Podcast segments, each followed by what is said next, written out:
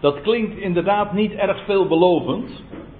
En dat ziet er niet veelbelovend uit als u dit plaatje hier ziet. Het wordt een dode bol vandaag, hoor ik, uh, hoor ik zojuist roepen vanuit de zaal.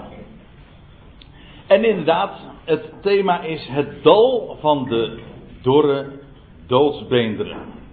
In mijn Bijbeltje staat dat er ook boven in Ezekiel 37. En ik vermoed zo dat het. Het is een vrij uitgebreid groot boek. 48 hoofdstukken, als ik me niet vergis. Maar in dat boek is Ezekiel 37, naar mijn indruk, toch wel het allerbekendste hoofdstuk en de bekendste passage in dat boek. En ik kan me niet herinneren dat ik eerder op deze gelegenheid daar wel eens uw aandacht voor gevraagd heb. En het leek me daarom heel goed om dat vanmorgen wel eens te doen. En voordat we naar Ezekiel 37 toe gaan, lijkt het me nuttig om eerst even te, in te zoomen op de context, de samenhang en uiteraard dan het direct voorafgaande. Ezekiel was een profeet trouwens in de dagen van Israëls ballingschap. En dat uh, komt in deze. Om, dat komt in dit boek ook uh, iedere keer naar voren. Maar in dat 36e hoofdstuk, daar staat boven, in mijn Bijbeltje, Israël hersteld en gelouterd. En ik zal u een aantal versen in dit hoofdstuk voorlezen om u enigszins een indruk te geven waar het inderdaad over gaat. Zodat als we Ezekiel 37 opslaan, ook begrijpen wat daaraan vooraf gegaan is. En het zal blijken dat Ezekiel 37 ook direct daarop aansluit. Niet alleen maar qua hoofdstukindeling, maar ook inhoudelijk. Dus je kunt Ezekiel 37 niet begrijpen als je ook het voorgaande niet begrijpt. En veel later in deze bijeenkomst zal ik u dat nog eens een keertje onderstrepen. Want dan blijkt dat Ezekiel 37 slechts begrepen kan worden in samenhang met niet alleen Ezekiel 36, maar vele hoofdstukken daarvoor zelfs al. En dat is veel vergeten. Ik zal u vertellen, en dat zal vanzelf blijken, degene die zich een mening hebben gevormd over dit hoofdstuk, en doorgaans, zeker als je uit de, de evangelische wereld komt, dan is het, en trouwens ook de, de orthodoxe reformatorische wereld tegenwoordig, is het tamelijk bekend de gedachte dat dit hoofdstuk zou gaan over de huidige Joodse staat. En de totstandkoming daarvan en dat uiteindelijk gecompleteerd zal worden bij de terugkomst van de Messias. Maar wat ik u vanmorgen wil laten zien is dat wat er staat anders is. Dus u bent gewaarschuwd, het wijkt af van wat u doorgaans hierover gehoord hebt. En nou zeg ik, en ik heb vooral nu genoemd de, de bekende evangelische variant. Als u bijvoorbeeld het blad Christenen voor Israël kent, dan wordt dat altijd breed uitgemeten over Ezekiel 37. Maar als je, ik kan me herinneren, ik weet zelfs de datum nog, het is al heel lang geleden. Het was 7 juli 1974. Ik was in Venendaal, ik was een ventje van 13 jaar. Ja, de, de datum is, komt voor velen van u wellicht om een andere reden bekend voor, omdat het ook de dag was dat Nederland tegen West-Duitsland moest voetballen. In de WK en eindigde met 2-1 achterstand, of met uh, een uh, verlies. Daar. Maar goed, daar zullen we het niet over hebben. Ik was, die, het was een zondag dus. Ik was in Venendaal in de christelijk gereformeerde kerk en dominee Brons sprak toen over Ezekiel 37. En ik weet het nog, ik was 13 jaar. En toen heb ik gehoord, ik kan hem natuurlijk niet meer, ja, hoe oud was ik? Maar in elk geval, ik heb begrepen dat dit hoofdstuk zou gaan over hoe, hoe God een dode zondaar tot nieuw leven wekt. En ik heb er later nog wel eens over nagedacht. Hoe, hoe, hoe kwam die man daar eigenlijk bij? Maar goed, dat is al heel lang geleden. Dat, is, dat was in de, de, de uitleg in de, in de reformatorische wereld. Het mooie is, dit hoofdstuk verklaart zichzelf ook. En, zoals gezegd, ook het, door het voorgaande wordt het verklaard. Goed, ik zei u, ik wil eerst een aantal versen voorlezen uit het direct voorafgaande hoofdstuk, Ezekiel 36. Daar staat dat God zegt: Ik zal u weghalen, u, dat is Israël. Ik zal u weghalen uit de volkeren en u bijeen vergaderen. Let op, hier gaat het dus niet alleen maar over de Babylonische ballingschap, dat Juda naar, naar Babel was uh, getransporteerd en, uh, en, en daar verbleef. Ezekiel profeteerde in de dagen van de Babylonische ballingschap. Toen waren ze in één land.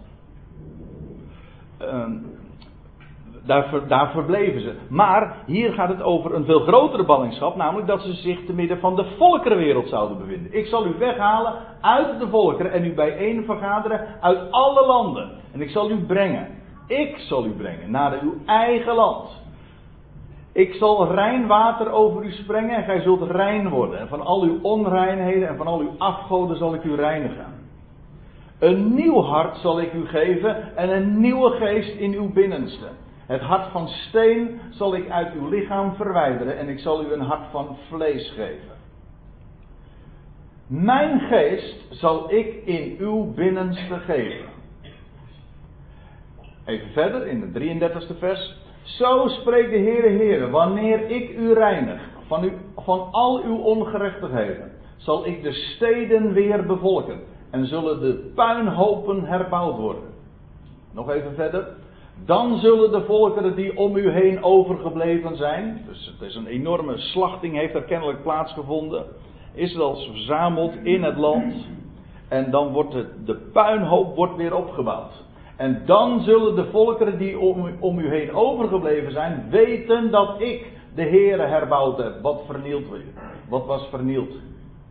Dan nog even verder. Ik zal hen, Israël, zo talrijk aan mensen maken als een kudde schapen. Zo vol zullen de verwoeste steden zijn met mensenkudden. Die dus dan weer bij gelegenheid worden opgebouwd. En zij zullen weten dat ik de Heer ben. Dat is een telkens weerkerend refrein. In deze hoofdstukken. Nou, dat is Ezekiel 36. Nou gaan we naar Ezekiel 37. En dat is een visioen. Dat blijkt uit het direct voorafgaan. Uit het, uh, uit het uh, eerste vers al. Want daar staat dit. De hand van Yahweh. En ik heb maar gewoon met, uh, gekozen voor de oorspronkelijke naam. Yahweh, niet de Heere. Maar Yahweh. Dat, ik zal het straks nog even nader motiveren. Waarom dat ook wel zo verduidelijkend is. Dat is Gods naam. Heere is een ja, een vertaling daarvan, ook niet eens correct, maar in ieder geval, zijn naam is Yahweh. De hand van Yahweh kwam op mij, Ezekiel, en Yahweh voerde mij in de geest naar buiten. En hij zette mij neer in een dal, of letterlijk staat er in het dal, de vallei. Dat was vol beenderen. Ik heb heel veel dia's vanmorgen. Ik heb geloof ik niet eerder zoveel dia's gehad voor de presentatie als dit keer. Dus ik moet wat doorgaan. Maar om een totaalbeeld te geven is, het, is dat ook noodzakelijk. Akkoord. Dit tot dusver is gewoon ook volstrekt helder. Hij deed mij daar aan alle kanten omheen lopen. En zie, zij, dat was al die dorre beenderen, zij lagen in grote menigte door het dal verspreid. En zie, ze waren zeer dor. En hij zeide tot mij, hij, Jawel, mensenkind, letterlijk staat er trouwens Ben Adam, zoon van Adam, exact dezelfde weergave als die we ook in Psalm 8 vinden en die we in het Nieuwe Testament heel dikwijls tegenkomen en dan wordt het vertaald met zoon des mensen. Maar letterlijk is dat de zoon van Adam. Erfgenaam van Adam. Dan zie ik hier ook wel degelijk nog een profetische heenwijzing naar de Messias zelf. En er zijn tot mij zoon van Adam. Kunnen deze beenderen herleven? Ja, dat is nogal een vraag, zeg. Als je daar probeert het je even voor te stellen. Je ziet zo'n dal, allemaal beenderen, verspreid her en der. Alleen maar skeletten, nee, niet eens skeletten. Het waren gewoon allemaal losse beenderen botten. Zeer dor. Verspreid over een groot dal. En dan de vraag. Die hij stelt. Kunnen deze beenderen herleven? Nou, trouwens, er staat letterlijk dit. Zullen deze beenderen leven? Dat is nog een andere vraag. Om de bonnetjes erbij te leveren heb ik de interlineaire eronder gezegd. En er staat inderdaad, zullen zij leven? Kijk, voor God is niets onmogelijk. En ik, we hadden het er zojuist al even over in, de, in het lied. Maar ook in het gebed sprak ik het uit. Hij is de levende God. En als er iets karakteristiek is voor de levende God, is dat hij leven verwekt. Uit de doden. En die het niet zijnde tot aanzijn roept en de doden levend maakt. Dat is God.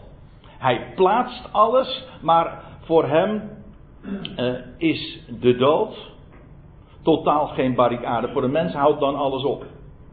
Als een mens ergens tegen een muur aanloopt, dan is het wel bij de dood. En hij, maar hij is de levende God. Hij vraagt niet, kunnen deze herleven, maar zullen ze herleven? Nou, het antwoord mag je, laat zich raden. Maar Ezekiel, die, uh, die zegt het heel uh, diplomatiek, zal ik maar zeggen. En ik zeide, mijn Heer Yahweh, of letterlijk, als u zowel een MBG als een statenvertaling hebt, en dan hebt u meteen ook de reden waarom ik inderdaad iedere keer Yahweh weergeef. Er staat in de statenvertaling Heere Heere, of in de MBG ook. De spelling is iets anders, maar iedere keer Heere Heere. Maar letterlijk staat er Adonai Yahweh. Mijn Heer Yahweh. En ik zeide, mijn Heer Yahweh, u weet het. Ja, inderdaad, zo is het. Ik mag dan allerlei dingen niet weten. Dat is geen enkel probleem als ik maar weet dat hij het weet. En dat is een enorme geruststelling. Waarom zou ik alles moeten begrijpen? Met die paar ons grijze hersencelletjes. Gij weet het. En toen zeide hij tot mij: profiteer, profiteer over deze beenderen. En zeg tot hen: Gij dorre beenderen, hoort het woord van Yahweh. Hebben beenderen oren? Nee, maar als God spreekt, dan gaat er wel gebeuren. En dat blijkt ook wel. Zo spreekt mijn Heer Yahweh tot deze beenderen. Zie, ik breng geest in u. Ruach, dat is het Hebreeuwse woord ruach. En dat betekent inderdaad geest. Het kan ook wind uh, betekenen. Het woord ruach in het Hebreeuws heeft een hele brede betekenis. En het staat eigenlijk voor alles wat je niet kunt zien. Het kan wind zijn, het kan geest zijn, het kan ook adem zijn. En in dat geval uh, is dat is hier erg actueel, omdat ja, waardoor herleeft een mens? Doordat hij ruach krijgt, adem krijgt. Hij gaat weer, hij gaat ademen. Zie, ik breng geest, adem, ruach in u en gij zult herleven. Ja, hoe dat in zijn werk gaat en in welke volgorde, dat wordt hier niet gezegd. Dat zullen we in het navolgende lezen. Hier wordt het feit gesteld. De vraag was, kunnen ze, zullen ze herleven? Antwoord ja. En nu wordt er gezegd, zij, er wordt geest ingebracht, adem ingebracht en zij zullen herleven. En dan volgt over eh, de wijze waarop dat zal, zich zal voltrekken. Ik zal spieren op u leggen, vlees op u doen komen en u met een huid overtrekken. Nogmaals, ik ga niet op al die details uh, dieper in. Ik wil u een totaal beeld geven van, van, dit, van deze hele geschiedenis, van, deze, van dit visioen. Maar dit is duidelijk. Ik zal spieren op u leggen, vlees op u doen komen, u met een huid overtrekken en geest in u brengen, zodat gij herleeft. En gij zult weten dat ik Yahweh ben. Zoals we dat ook zojuist lazen in het 36e hoofdstuk. Het uiteindelijke resultaat is dus dat al die beenderen weer bij elkaar zouden komen. En, en de, er zouden spieren en vlees. En uiteindelijk wordt het overtrokken met, met, een, met een huid. En er wordt vervolgens ook geest ingebracht, zodat ze herleven. En met als resultaat, gij zult weten, niet jullie moeten weten, gij zult betekent niet jij moet. Het is profetisch. Jullie zullen weten dat ik Jaweh ben. Nou, dat was tegen Ezekiel gezegd, dat was hem opgedragen. Nou, hij zou profeteren, hij was een profeet. Profeet betekent trouwens, uh, en profeteren betekent als een mond gods spreken. Ik nu profeteerde, zoals mij was bevolen, zoals mij geïnstrueerd was. En zodra ik profeteerde, ontstond er een geruis. En zie, een beweging. En de beenderen voegden zich aan één, zoals zij bij elkaar behoorden. Het is heel beeldend beschreven wat Ezekiel hier dus voor zich ziet, wat hij doet en wat er vervolgens op het woord wat hij spreekt, het woord van God, het kwam voor door zijn mond, maar het was het woord van God. En als God iets spreekt, dan gebeurt er ook wat. Het Hebreeuwse woord voor woord, dabar, betekent namelijk ook daad. Als God, Gods woord is maar niet, bij ons is het bla bla, weet je wel. Wij, wij babbelen maar wat. Maar Gods woord is kracht. Dan gebeurt er wat. Het evangelie, maar daarmee ook het woord, is een kracht Gods. Hij spreekt en het is er. Het, hij gebood en het stond er. Er zij licht, er was licht. Zo was het vanaf den beginnen. Goed, de beenderen voegden zich aan één zoals zij bij elkaar hoorden. Dat is een godswonder. Dat trouwens elk, dat ook in de moederschoot plaatsvindt. Ik bedoel, dit is natuurlijk na de dood. Maar ik bedoel, wat er allemaal gebeurt in de moederschool, dat is natuurlijk uh, bekend, een bekend fenomeen voor ons. Maar, lees Psalm 139, dat is natuurlijk een soortgelijk wonder waarbij alles zich bijeenvoegt. Enfin, de benen voegden zich aan één zoals zij bij elkaar behoorden. En ik zag toe en zie, er kwamen spieren op, zoals voorzegd. En vlees, en er trok een huid overheen. Maar geest was er nog niet in hen. Nee, dat zou ook pas het afsluitende zijn. Dat werd gezegd.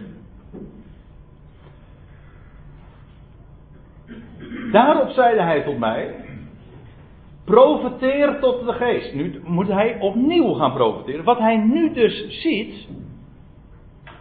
En wat er heeft plaatsgevonden. Is dat al die beenderen die zo dor waren en verspreid lagen over het hele dal, die waren dus allemaal bij elkaar gekomen. Er, waren, er was huid overheen gekomen, et cetera, et cetera. Het was compleet. Nou ja, behalve dan, er was nog geen geest in hen, zodat ze dus, nog allemaal dood waren. Het waren allemaal karkassen. In feite, nee, zombies niet, want dat is een levend lijk, maar, maar uh, inderdaad, karkassen. Het waren lijken die hij daar zag. Dood, gedood, doden. Daarop zeide hij tot mij: profiteer tot de geest. Een kleine letter of een grote letter in het Hebreeuws maakt er geen enkel verschil, want die, dat maakt dat, dat kent het Hebreeuws niet, het Grieks ook niet. Profiteer tot de geest, profiteer, zoon van Adam, en zeg tot de geest. Zo zegt mijn Heer, Yahweh, kom van de vier windstreken, o geest. En die vier windstreken, dat moet je maar eens een keer in een concordantie nagaan.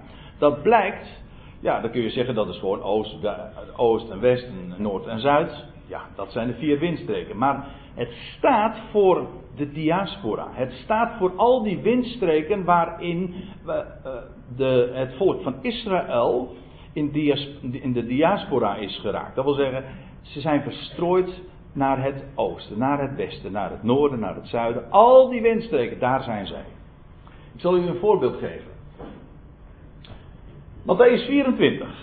En dat is geen willekeurig voorbeeld, want Matthäus 24 gaat exact over die gebeurtenis. Dat zal vanzelf uit het geheel nog wel duidelijk worden. Het gaat precies over die gebeurtenis waar Ezekiel 37 het ook over heeft. Matthäus 24, het hoofdstuk bij uitstek dat waar dat gaat over, in mijn Bijbel staat er ook boven, reden over, de, reden over de laatste dingen. Dat Jezus op de Olijfberg is gezeten en dat hij dan een, een kijk heeft op, de, op het tempelplein, op de tempel die er in die dagen nog stond, en over de stad Jeruzalem. En dat hij dan zegt, er zal geen steen op de andere gelaten worden. En nou ja, dan lees je het over een grote verdrukking die er zal komen. Uh, een verdrukking die in onze dagen nog steeds toekomstig is. En dat er op het tempelplein in Jeruzalem een, een afgodsbeeld geplaatst zal worden. En dat dat de, de, de grote verdrukking ook zal inluiden.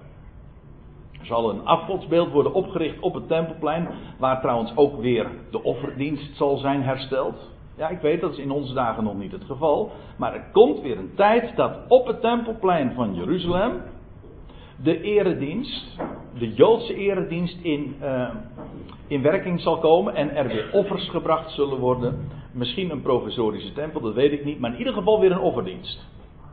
En, nou, er zal een gigantische verdrukking komen. Een zodanige verdrukking, dat staat in datzelfde Matthäus 24. Projecteer het nu niet, maar er staat een zodanige verdrukking als er niet geweest is van het begin van de wereld. Tot nu toe. En ook niet meer wezen zal. Nou, en dan lees je in vers 29 van dit hoofdstuk dus. Terstond na de verdrukking van die dagen zal de zon verduisterd worden.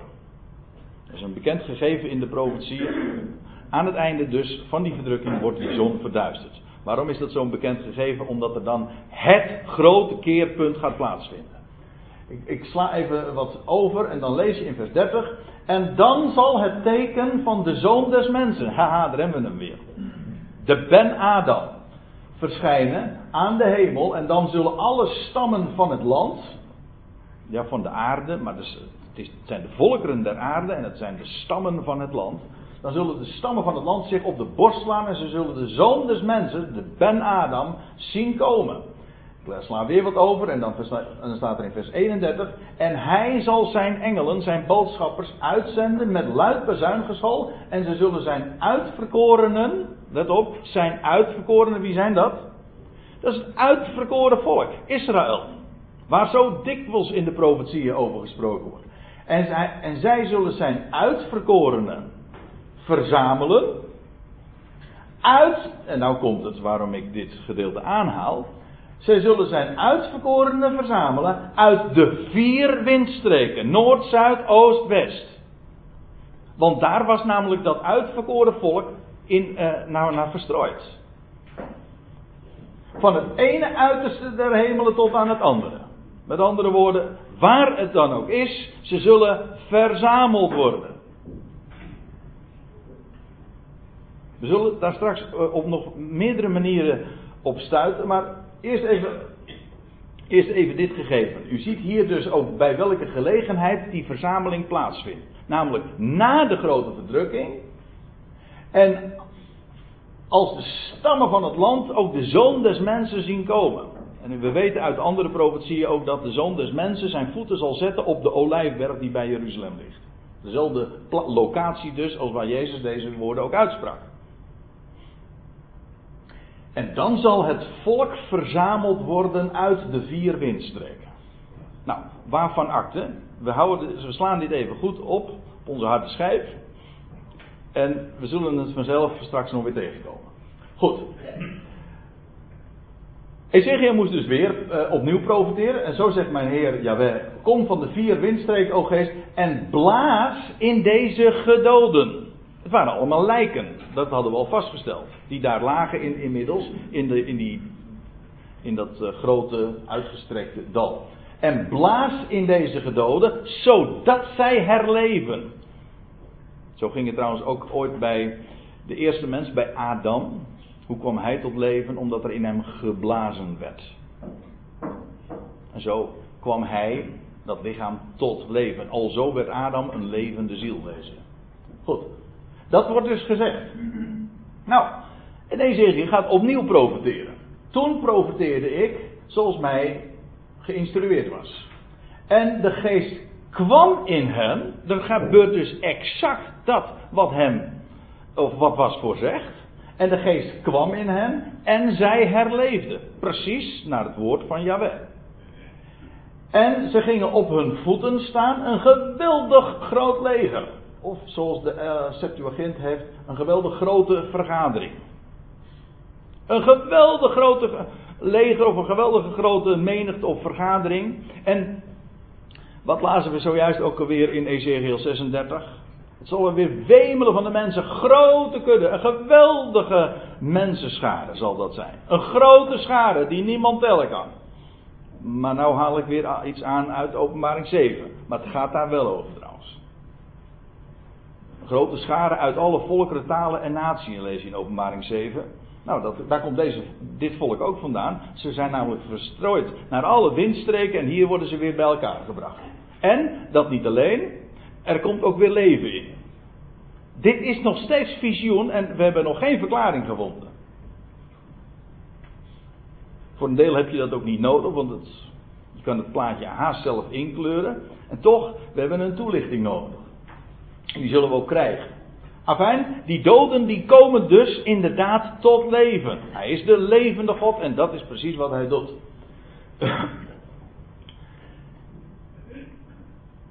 Vers 11 vers van Ezekiel 37. Voorts zeide hij tot mij, mensenkind of zoon van Adam, deze beenderen zijn het hele huis van Israël.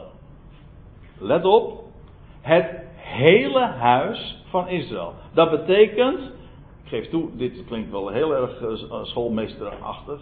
Dat betekent dus niet een deel. Maar ik zeg dat eventjes om duidelijk te maken dat het hier dus gaat om het totaal. Deze, hier vinden we dus de goddelijke verklaring van het visioen. Het visioen was beschreven. Ezekiel heeft gedaan wat hem was opgedragen. Er gebeurt precies wat voorzegd was. Nou, en nu vervolgens vinden we in vers 11 en het navolgende de verklaring. Wat stellen die benen ervoor? Nou, zegt God, die zijn, die stellen voor het hele huis van Israël. Dus niet een deel, maar het totaal. Ik kan dat niet genoeg benadrukken. Waarom? Omdat de verklaring die er standaard aangegeven wordt, namelijk dat het zou gaan over de, uh, de terugverzameling van het uh, Joodse volk uh, na de Babylonische ballingschap, dat was slechts een zeer gedeeltelijke vervulling. Dat wil zeggen, een zeer gedeeltelijke terugkeer. Er ging, er ging maar een minuscuul deel uit Babel, keerde weer terug toen naar het land. Zeker niet het totaal.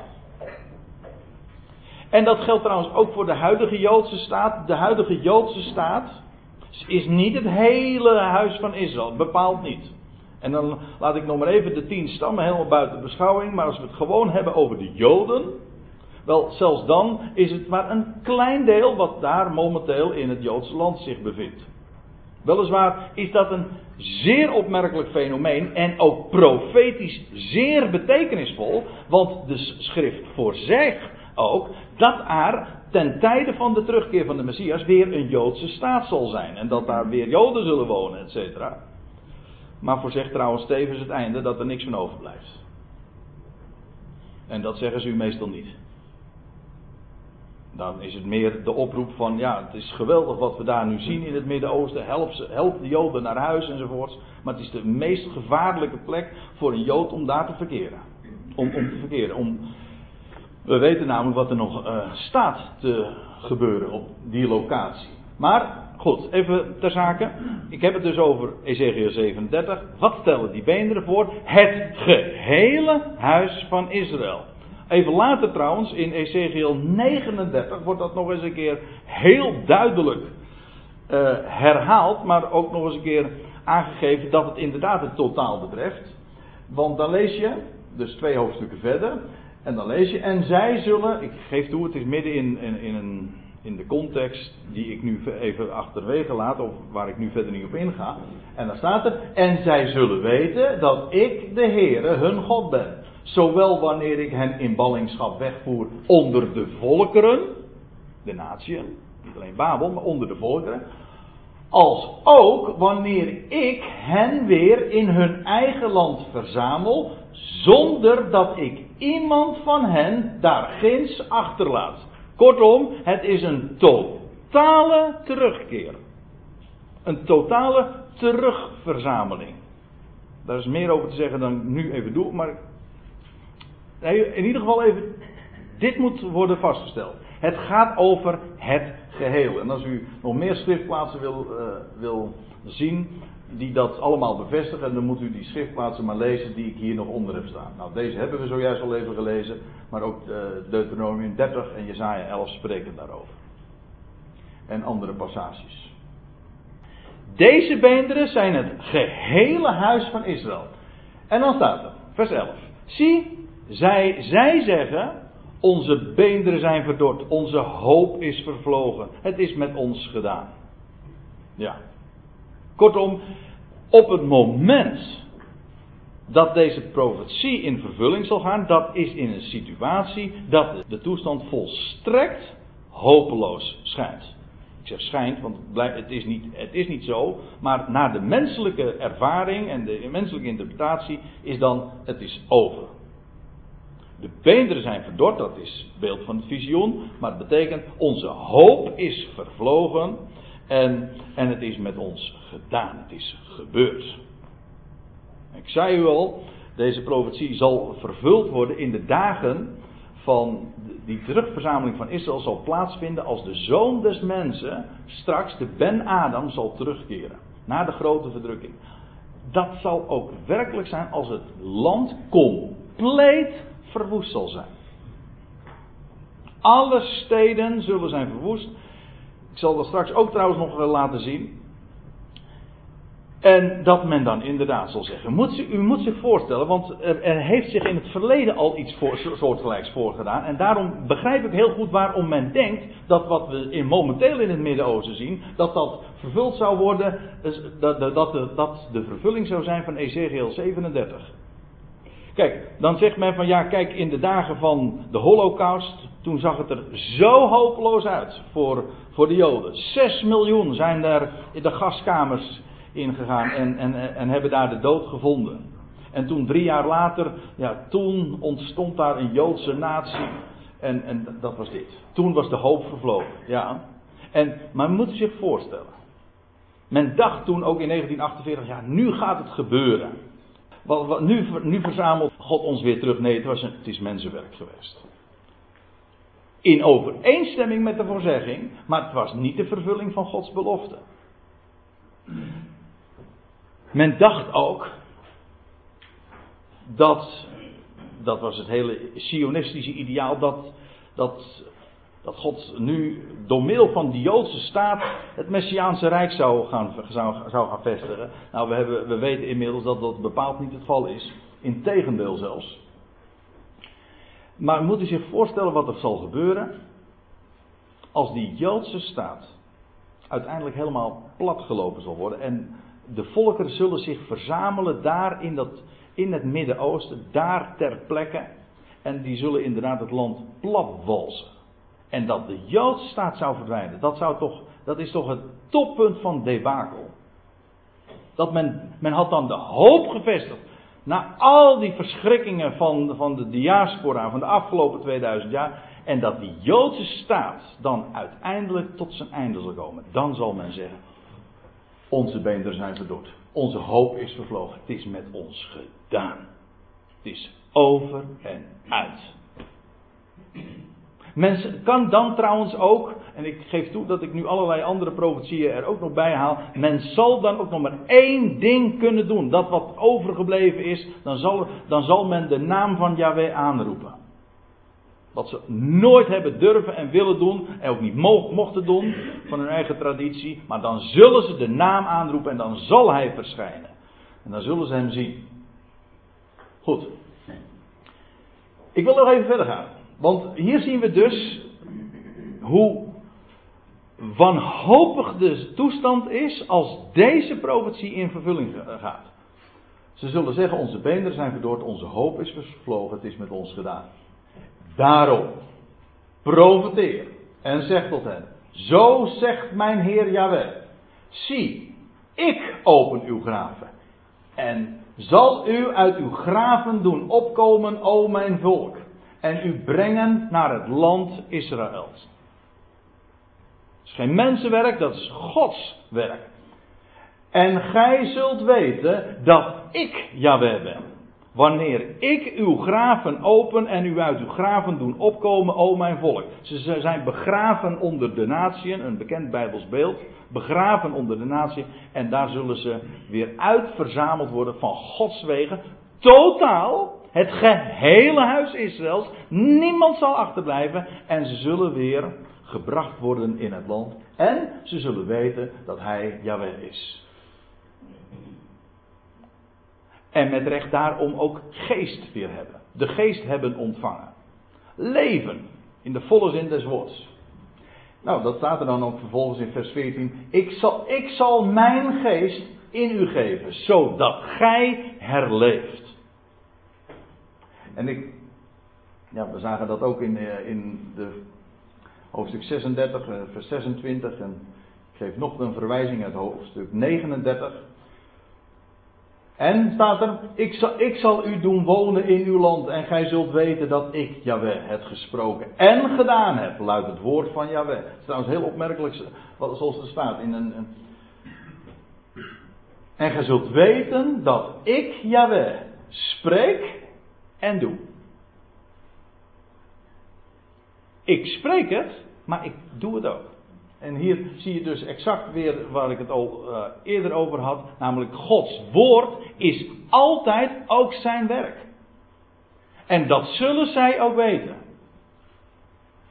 Laten we even samenvatten. Wat we tot dusver gezien hebben in Ezekiel 37. Gewoon in dit visioen dat hier beschreven wordt. Inclusief de, de verklaring die God zelf erbij geeft. Deze profetie over die dorre doodsbeenderen, dat gaat over het hele huis van Israël. Ze worden verzameld vanuit het buitenland, vanuit de diaspora. Noord, Zuid, Oost, West. Wanneer de toestand volstrekt hopeloos is. Of in ieder geval schijnt. En wat er na die verzameling zal gebeuren, eerst komen ze bij elkaar en daarna ontvangen ze de geest. Wat dat precies is, wordt hier niet verklaard, maar wordt gezegd, gij zult de geest ontvangen, zult, gij zult leven, niet alleen maar nationaal bij elkaar komen weer en een eenheid vormen, maar jullie zullen geest ontvangen, zodat jullie leven. En gij zult weten dat ik de Heer ben, dat ik Jahweh ben. Dat had ik er nog bij kunnen zetten. Maar dat is eh, tot dusver toch wel duidelijk geworden. Oké.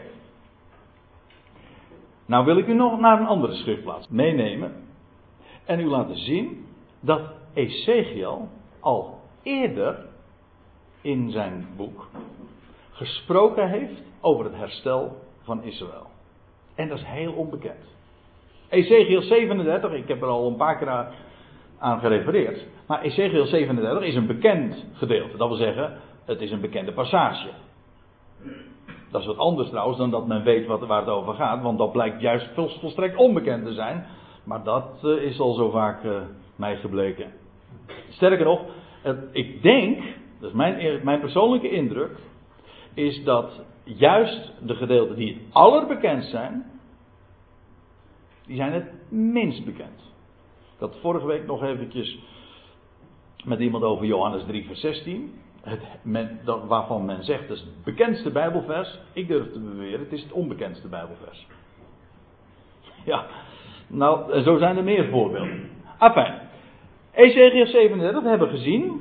Op zich is het helder. Het gaat over het hele huis Israël. Maar Ezekiel had dus al eerder gesproken over het herstel van Israël. En dat dat gefaseerd verloopt. Dat wil zeggen in fases. Eerst wordt het bij elkaar gebracht. Maar dan is het nog niet levend. Vervolgens, als het bij elkaar gebracht is, wordt de geest erin gebracht, zodat ze leven. Dat is wat we zagen in Ezekiel 37. Maar nu neem ik u mee naar Ezekiel 20. En ik weet haast wel zeker dat verreweg het merendeel van, wat hier, van de mensen die hier zitten, moet uitkijken nu natuurlijk wat ik zeg. Maar ik denk dat dat erg onbekend is. Goed, Ezekiel 20. En ik lees vanaf het 34e vers u voor.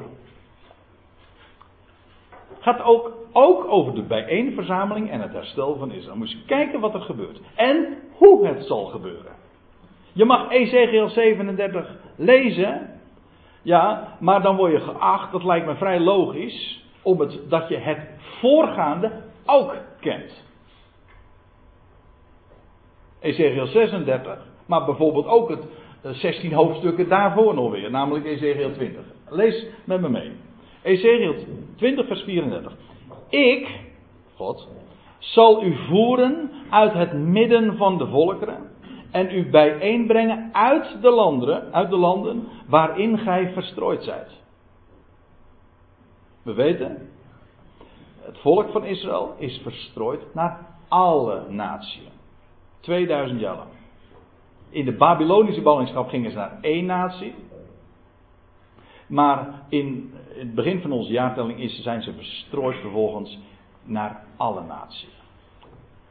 Ik zal u voeren uit het midden van de volkeren en u bijeenbrengen uit de landen waarin gij verstrooid zijt, met sterke hand, met een uitgestrekte arm en met uitgestorte vurigheid, staat er eigenlijk. En die vurigheid die uitgestort is. Een, uitdrukking die we heel dikwijls in de profetie aantreffen. God gaat aan de slag. En God, hij gaat zijn werk doen. Hij gaat optreden. Ook zichtbaar, duidelijk. Zoals we zojuist ook zagen in Ezekiel in Matthäus 24. Als hij zijn, zijn uitverkoren volk zal verzamelen, ja, dan, dat zal zijn ten tijde dat hij zal verschijnen. De Messias, de Heer zelf. Let op, vers 35. Ik zal u brengen naar de woestijn der volkeren. Wat is dat? Nou, in ieder geval een woestijn. Hij zal, er wordt, hij, zal ze niet brengen eerst in het land. Hij zal ze brengen naar de woestijn der volkeren. Wordt hier verder niet uitgelegd. Maar het wordt wel het wordt naar voren gebracht waar ze in elk geval gebracht zullen worden.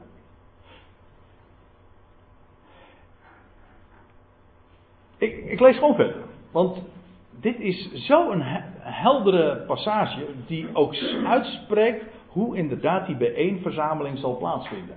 Goed, ik zal u brengen naar de woestijn der volkeren en daar met u in het gericht treden. Van aangezicht tot aangezicht. Met andere woorden, daar zal, de, zal het volk dat verzameld is uit de natieën met de Heer van aangezicht tot aangezicht geconfronteerd worden. En daar zal het gericht worden. Er vindt daar een zuivering plaats. Er, daar dingen, worden dingen rechtgezet. Dat is immers wat het woord gericht ook betekent.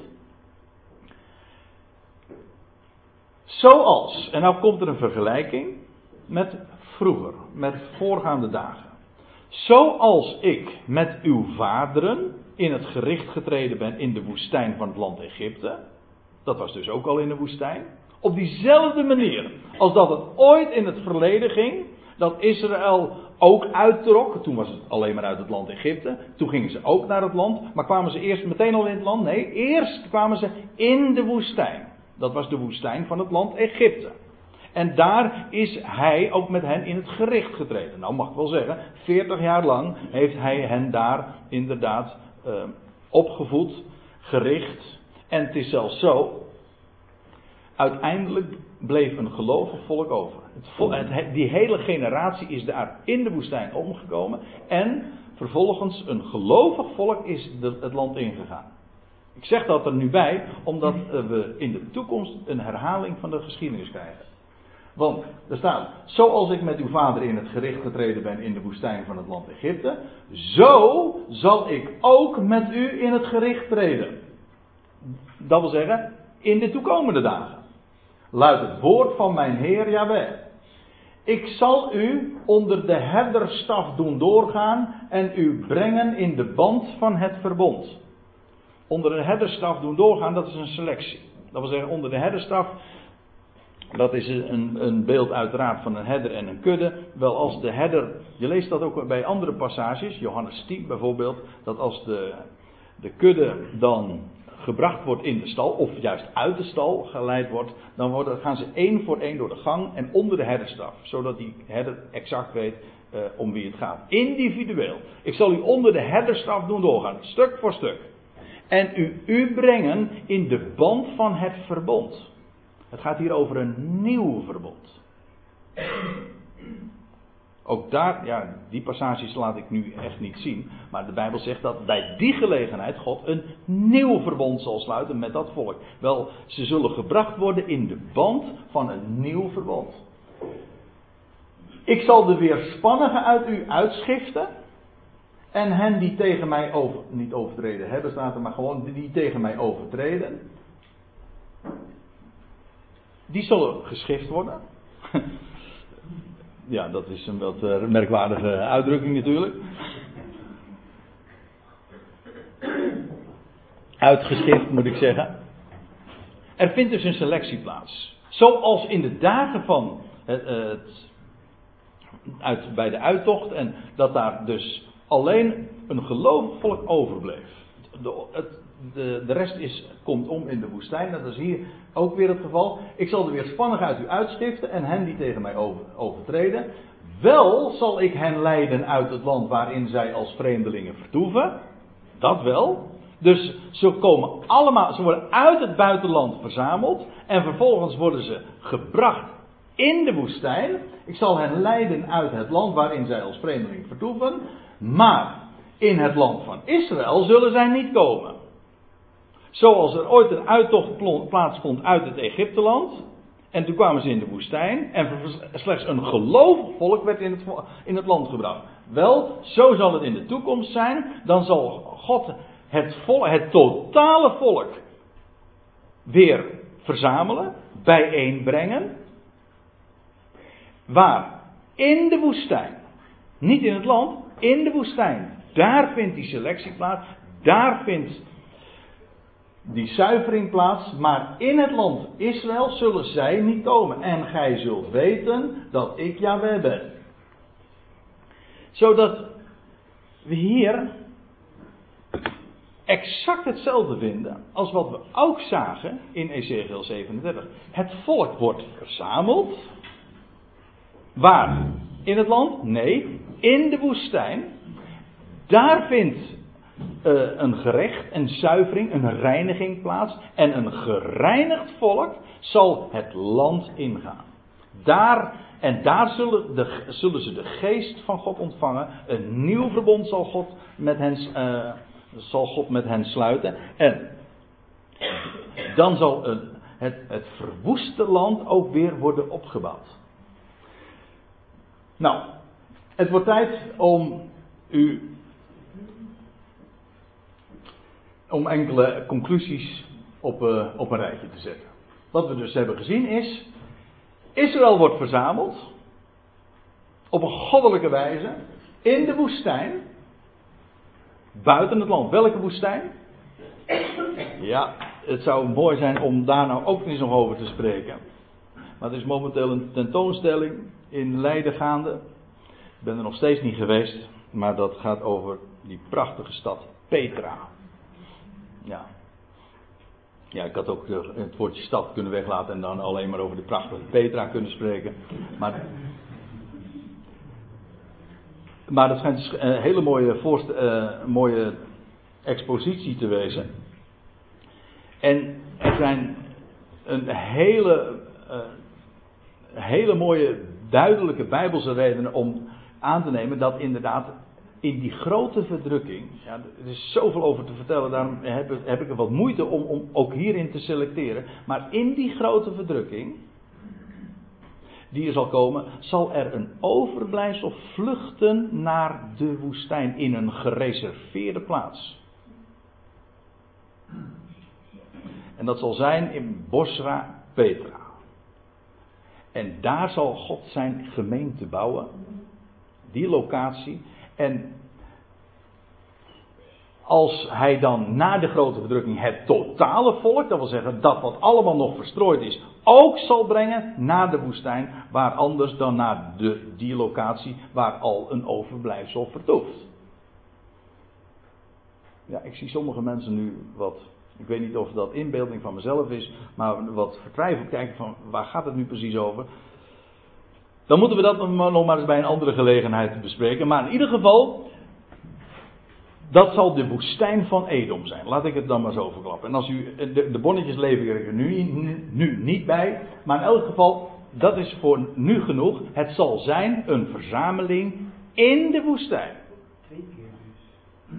Ja, Eerst dus vindt daar die vlucht plaats tijdens de grote, vlak voor de grote verdrukking naar de woestijn. En daarna, eh, als dan het hele land verwoest zal zijn en de volkeren, vanwege de volkeren die ten strijde trekken tegen, tegen Israël, wel, dan blijft er niks over van de natie. Dan zal een overblijfsel in Jeruzalem uiteindelijk in de grootste nood hun heren aanroepen. Dan zal hij verschijnen, de olijfberg zal splijten, er zal een een vluchtweg gecreëerd worden ter plekke. En ze zullen gevoerd worden naar het dal, mijner bergen. En in elk geval, daar zullen ze naar de woestijn vluchten. Een tweede vlucht. En daar vindt de totale bijeenverzameling plaats van alle uitverkorenen. Daar is de Heer dus ter plekke. In de woestijn wordt daar het volk bij elkaar gebracht. In elk geval buiten het land. Dat is, dat is essentieel. De bijeenverzameling vindt dus niet plaats in het land, maar buiten het land in de woestijn. Wel, daar zal Yahweh hen richten van aangezicht tot aangezicht. En dan zal vervolgens een gelovig volk ingaan in het land. En het verwoeste land, er zal niets van overgebleven zijn. En een verwoest land en de verwoeste steden, die hele puinhoop die er dan zal overgebleven zijn, die zal dan worden herbouwd. En met als eindresultaat Israël, maar ook de omliggende volkeren zullen weten dat Yahweh inderdaad hun God is. En hem niet alleen kennen, maar ook erkennen. Dit is de aanvang van dat Messiaanse Rijk. Er gaat dus nog zo enorm veel gebeuren. Voordat dat Messiaanse koninkrijk hier op aarde gevestigd zal worden, zal er dus deze bijeenverzameling nog uh, gebeuren. Kijk, wat we momenteel zien in het Midden-Oosten is de reconstructie van een Joodse staat. Nou, dat is inmiddels al 60 jaar geleden. Jeruzalem is weer de hoofdstad van die staat. Maar de Bijbel is buitengewoon pessimistisch over de toekomst van deze staat. Het eindigt in een, een enorm debakel. En dan in de grootste nood, dan zal God inderdaad verschijnen zijn in zijn zoon, zijn beeld. En daar, uh, en hij zal uiteindelijk dus zijn volk verzamelen in de woestijn. Dat is wat ik vanmorgen duidelijk willen maken. Dus alles wat daarover gezegd wordt, daar vindt uh, over het algemeen, is helaas niet. Uh, het is wel in overeenstemming met, met sionistische verkoopprijzen. Als ik het, sorry dat ik het wat laatdunkend zeg.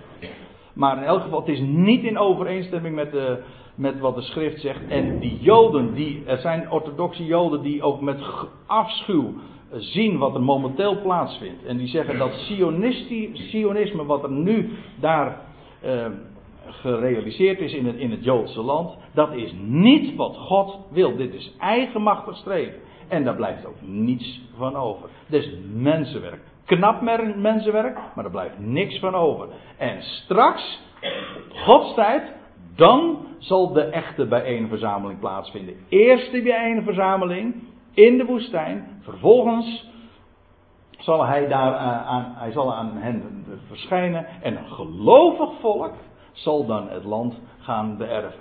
En dat alles is volledig Gods werk. En het eigenlijk het allerbelangrijkste, en misschien mag ik daar dan mee afsluiten, en ik heb dan toch nog het geheel kunnen bespreken. Al die 56 diaatjes. Uh, het allermooiste vind ik nog. Wat we, hoe dit aansluit. En ik heb daar geen eens een dia van. Maar met de woorden die de apostel Paulus uitspreekt in Romeinen 11.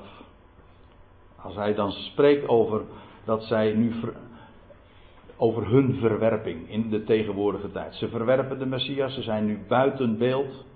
Maar wat zal hun aanneming anders wezen dan leven uit de doden? Dus ik vind deze uitdrukking exact zo in Romeinen 11. hun nationale herstel. Het totale Israël zal door van Gods wegen geen Israëliet uitgezonden, eh, geen Israëliet uitgezonden. Het totale Israël zal verzameld worden en zijn geest ontvangen op zijn tijd, op zijn wijze, als alle menselijke wegen compleet zijn stuk gelopen en doodgelopen, met recht doodgelopen, dan gaat God aan de gang. En dat is altijd zo, als de nood het hoogste is, dan is de redder nabij. Dat is nationaal zo, ik bedoel dat is in verband met deze profetie zo, maar laten we wel wezen, dat is de God die wij kennen. De levende God. Geen situatie zo hopeloos, maar hij brengt, hij brengt verwachting en leven. En hij maakt alles op zijn tijd, op zijn wijze. En dan kun je het mee eens zijn of dan kun je het niet mee eens zijn. Je kunt het ver vinden, je kunt het niet ver vinden. Op zijn tijd, op zijn wijze brengt hij alle dingen zo tot een goed einde. Dat is de God van het woord. En dat is de God die we lief hebben.